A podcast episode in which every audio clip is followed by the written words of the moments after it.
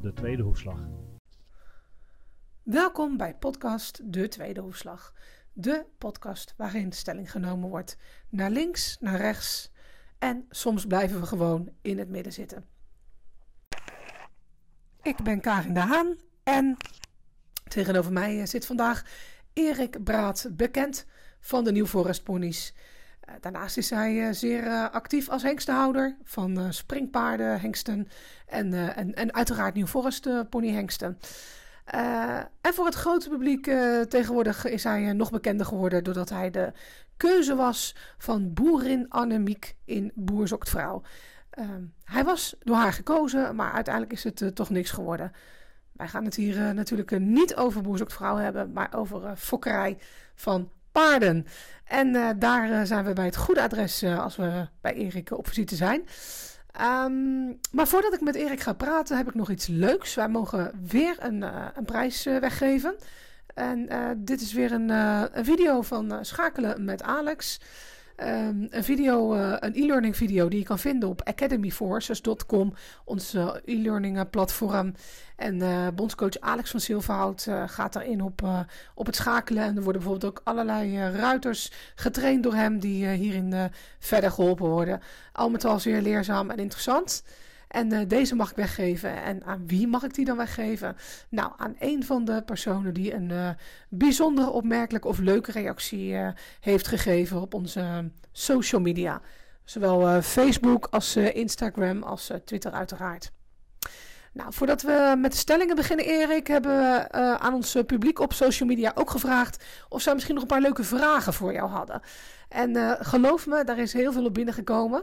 En de eerste is, heeft betrekking op jouw, ehm, jouw forest pony voorkeur. Waarom heb jij eigenlijk zo'n voorkeur voor, die, voor dit ras? Er zijn per slot van rekening ook hele andere leuke ponies waar je mee zou kunnen fokken. het zijn natuurlijk mooie, robuuste ponies. Ehm, wij proberen hier ook echt een mooie nieuw Forest sportpony te fokken. Dat is echt ons doel. En uh, ja, dat, ja, dat is eigenlijk als, van jongs af aan is dat ontstaan en dat is gewoon doorgegaan. En dat is alleen maar groter gegroeid. Uh, ja. Leuk.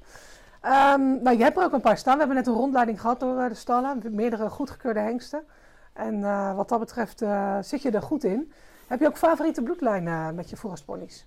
Um, ja, als we echt kijken naar uh, favoriete bloedlijnen. Uh, Kantjes Ronaldo waren we altijd fan van. Hebben we dit jaar ook alweer een merrie mee geïnsemineerd.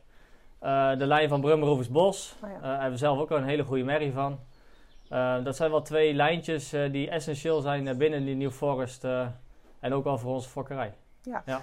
En je hebt meerdere goedgekeurde hengsten staan. Heb je een favoriet ertussen? Of eentje waarvan je zegt, nou dat is wel mijn ja, favoriet. Kijk, ja, we, hebben een hele goede hengstenkeuring gedraaid. Uh, we hadden de kampioen uh, aan touw.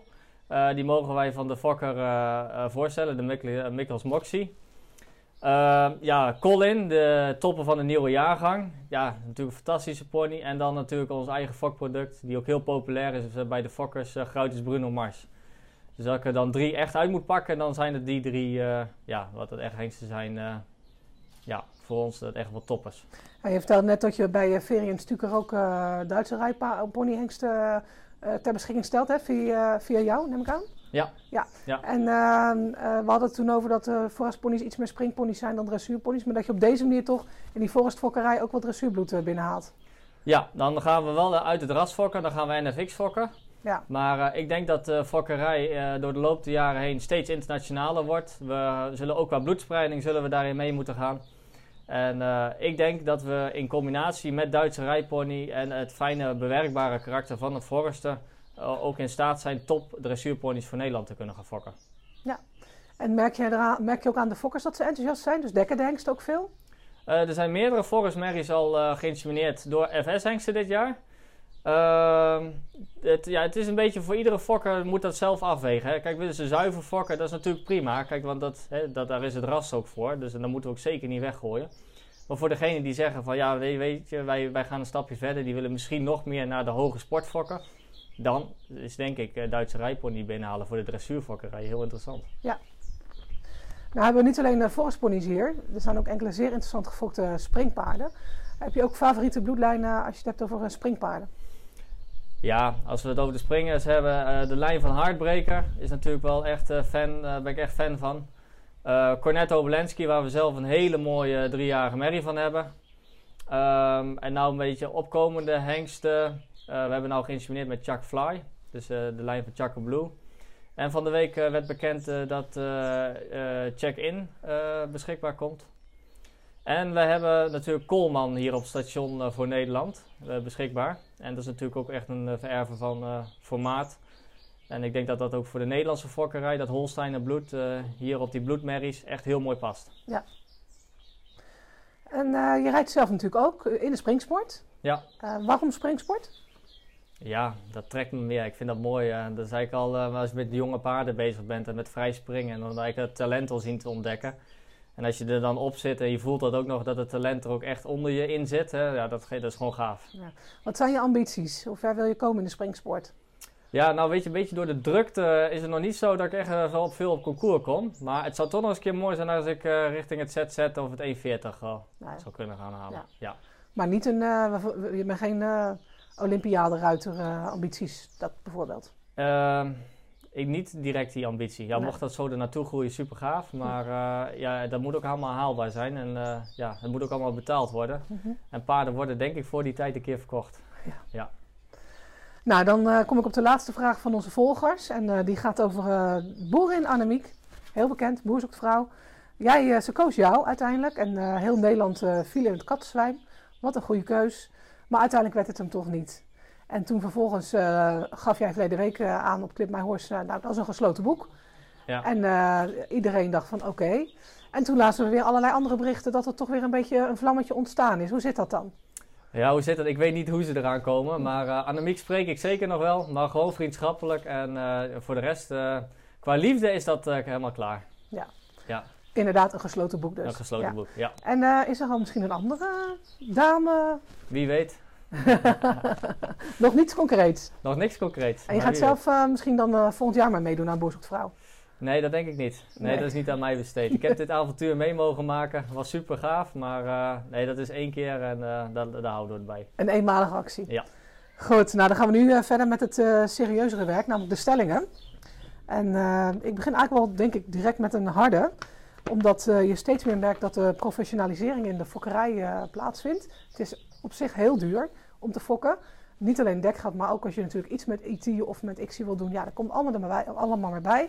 Dan heb je ook nog geen veulen. En het veulen is ook nog niet zomaar verkocht het jaar daarna. Een hele goede verkoop je natuurlijk makkelijk drie keer. Ja. Maar een wat minder hebben we ook allemaal wel eens, valt nog niet mee. Dus ik zeg als stelling, de tijd van de hobbyfokker is voorbij. Um, dat is misschien deels waar. Want ja, vooral als je met ET eh, e bezig gaat houden en ICSI, uh, ja, dan, dan ben je toch wel serieus bezig. En dan moet je toch wel zien dat daar wel zulke daar nog interessante producten van komen, dat dat ook rendement op kan leveren. Maar we hebben de hobbyfokker ook heel hard nodig, want uh, die zorgen er ook voor dat er een hoop mogelijk is, ook voor de hengstenhouders. Want ja, qua dekaantallen. Dus ik ben het niet helemaal eens dat het voorbij is. Want uh, ook de hobbyfokker doet zijn best met de merries die hij heeft. Uh, en daar komen ook goede producten van. Want het is echt niet gezegd dat alleen maar toppers op toppers zetten, dat dat alleen maar een E60 paard uh, of een Grand Prix dressuurpaard oplevert. Dus ja, als we kijken naar technieken, dan zijn we zeker denk ik wel heel professioneel bezig op het moment dat we die gaan toepassen in de fokkerij. Maar in de breedte hebben we de hobbyfokker zeker nog nodig. Ja. En zie je in de praktijk dat hobbyfokkers ook nog enthousiast blijven? Of dat ze toch afhaken? Jij hebt heel veel contact met, met fokkers. Als, uh... Ik zie toch nog wel een hoop mensen die toch nog enthousiast zijn en uh, heel trots zijn als ze een veulentje hebben. Ik denk, ja, en, en dat is natuurlijk ook mooi. Dus, zeker. Ja, nee, die haken nog zeker niet af. Zie je verschillende springpaarden en dressuurpaardenfokkerij? De springpaarden is denk ik toch nog veel meer gericht op de sport, ook vanuit de moederlijn gezien. Dat is zeer belangrijk, eigenlijk wel essentieel. Uh, bij de dressuur is dat toch iets minder van belang. Heb je een merrie uit een goede predicaatrijke stam, dat, uh, dat levert eigenlijk al genoeg informatie op voor kopers om dan het veulen te kunnen verkopen. Ja. En dat is bij de springpaarden wel uh, degelijk anders. Ja. En als je zegt van de tijd van de hobbyfokker is voorbij, voor ponies zeker niet. Dat zijn bijna allemaal hobbyfokkers, denk ik. Ja, het grote deel wel. Ja, ja. dat, is zeker, dat is ook zeker geen commerciële fokkerij. Nee. Die, daar moet je aardigheid aan hebben, want ja, in principe kost dat geld. Ja. Nou, dan gaan we gelijk door naar de volgende. Kijk, fokkerij blijft natuurlijk een super dankbaar thema om leuke stellingen bij te bedenken. En uh, dan uh, is de volgende: op een goede fokmerrie kan je iedere hengst zetten. Uh, dat, dat, ja, dat kun je zeggen, want misschien komt er altijd een goed product uit. Maar ik denk altijd in generaties en ik denk ook altijd weer terug van hoe was de vader of grootvader. Dus ik vind dat je op een goede merrie ook altijd een hele bewuste keuze moet maken. Uh, en niet zomaar denken van, oh dat past allemaal. Want uh, dat is gewoon zonde van de stam. En een goede merrie die moet je koesteren en daar moet je met verstand mee omgaan. En ja. denken in generaties. Ja. Ja, ik denk ook zeker dat dat zo is inderdaad. En uh, zeker als je merrieveulen fok wil je toch weer een generatie verder kunnen. Ja. En als je dan een hengst hebt gekozen die, om, uh, die misschien niet interessant genoeg of niet goed genoeg is eigenlijk, heb je een zwakke schakel natuurlijk in je, in je fokkerij. Precies. Ja. ja. Zo is het.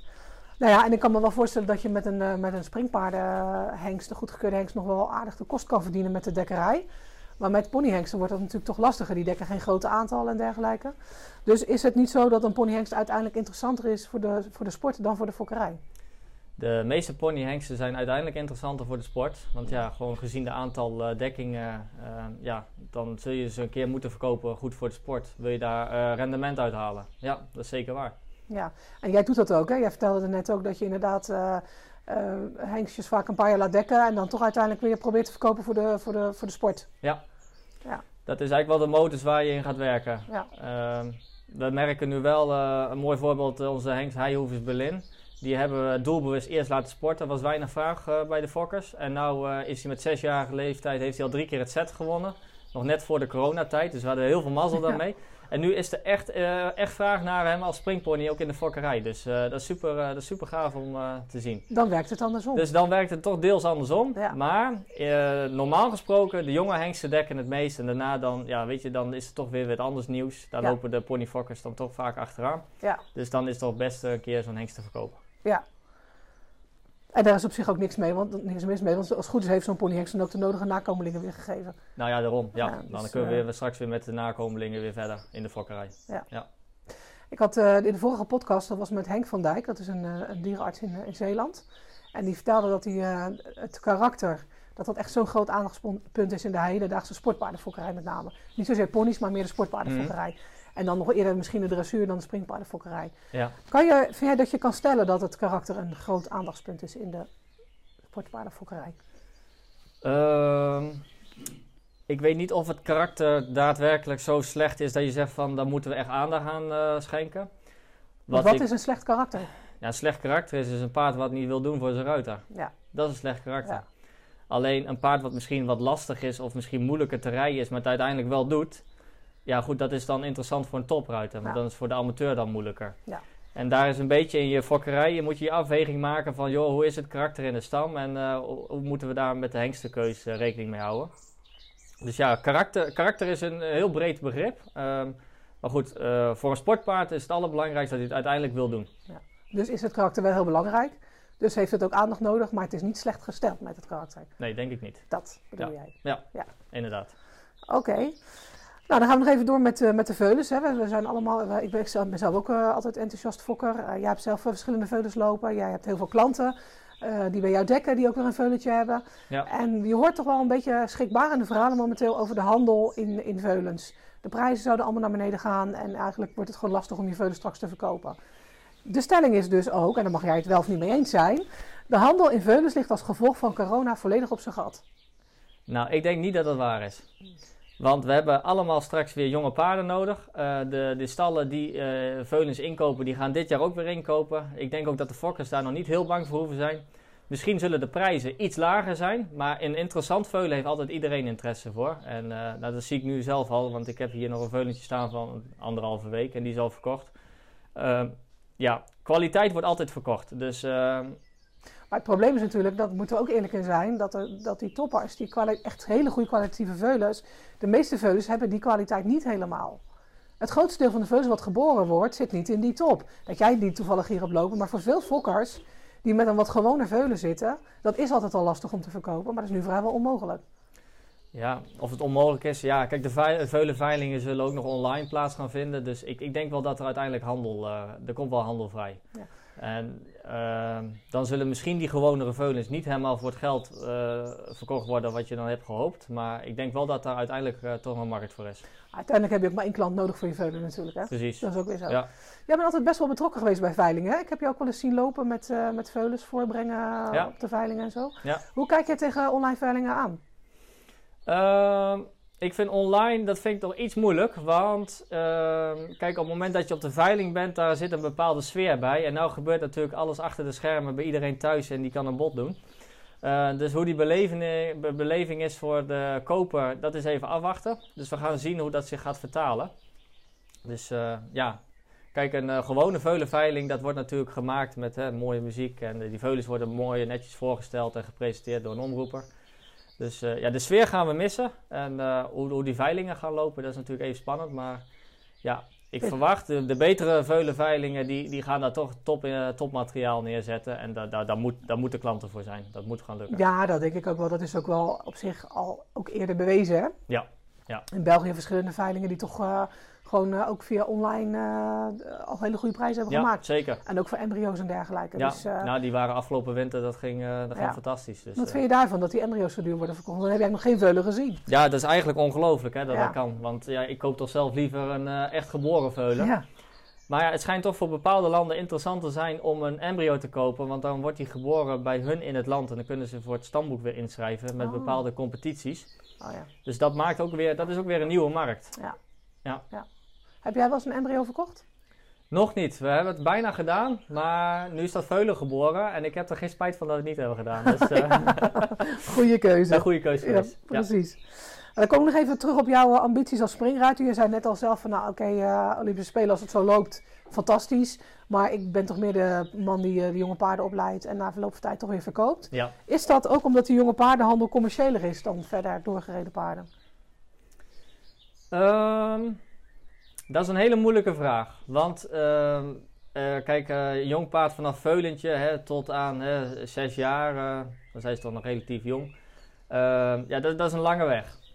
Ehm, kijk, als je veulen goed kan verkopen, je hebt, eh, dat, is, de eerste klap. Maar ja, kijk, een heel goed sportpaard is ook heel veel geld waard. Dus ja, wat, wat beter is, dat vraag ik me soms af. Dat, eh, maar ja dat, ja, dat is het risico en tijd eh, wat je moet... Het helpt natuurlijk dat je zelf kan rijden. ja, Heel veel fokkers, zeker oudere fokkers, die hebben niet direct een ruiter. nee. En dan wordt het natuurlijk heel duur om uit te laten brengen. Dan wordt het duur, ja. Ja. En als je dan als veulen heel goed kan verkopen, is Ja. dat de kortste klap en het minste risico. Ja, precies. Dus het ligt er een beetje aan in wat voor positie je zit. Dat, eh, ja, dat heeft er ook eh, mee te maken. Ik vind het een mooie afsluiting van, eh, van onze stellingen. Je hebt je met eh, verven doorstaan. Erik, eh, hartelijk dank voor je medewerking. Eh, ik denk dat we er allemaal weer wat van op hebben gestoken. Ehm, rest mij nog eh, bekend te maken wie de prijs gewonnen heeft door onze prijsvraag. Ehm, ik heb gekozen voor een, eh, een bericht op Facebook. Dat is naar aanleiding van een, eh, een artikel met, ehm, op de website met Muriel Stienstra. Die zegt: Ik ben meer een ponymens dan een paardenmens. Ik vond het wel passen bij, eh, bij Erik Braat, die ook nog steeds ponies met paarden combineert. Nou, dat doet Muri- Muriel ook. Toen ze 18 was, verkocht ze haar ponies. Eh, en ze kocht eh, een, een paard, daar rijdt ze nu ook volop dressuur mee. En maar opeens kwam er op haar pad een, een ponyhengst. eh, en eh, ja, toen ze die kans kreeg, is ze daar ook weer mee gaan rijden. Het is de NRPS-hengst Laurencio. En ja, het is met een apart kleurtje. Het is een mooie Palomino. En zij zit er hartstikke mooi op. Het is een, ze is klein van postuur, dus past prima. Op deze post op Facebook met dit artikel kwamen meer dan 100 reacties. En ik heb er eentje uitgekozen. Ehm, die is van een Nanda Smits. En Nanda zegt: Superleuk, ik ben 56 jaar en nog steeds een ponymeisje. Kijk, heerlijk is dat. Nanda, van harte gefeliciteerd. Jij hebt eh, de e-learning eh, van eh, Alex van Zilverhout, Schakelen met Alex, eh, gewonnen. Stuur even een mailtje naar hoefslag.mediaprimair.nl. Doe dat ook binnen een week na het publiceren van deze podcast. Uh, en dan uh, krijg jij uh, de inlogcode voor de, voor de e-learning toegestuurd. Van harte. Nou, rest me tenslotte nog iedereen hartelijk te danken die heeft geluisterd. En ik zou zeggen, we gaan de volgende maand weer een andere podcast maken. En tot dan.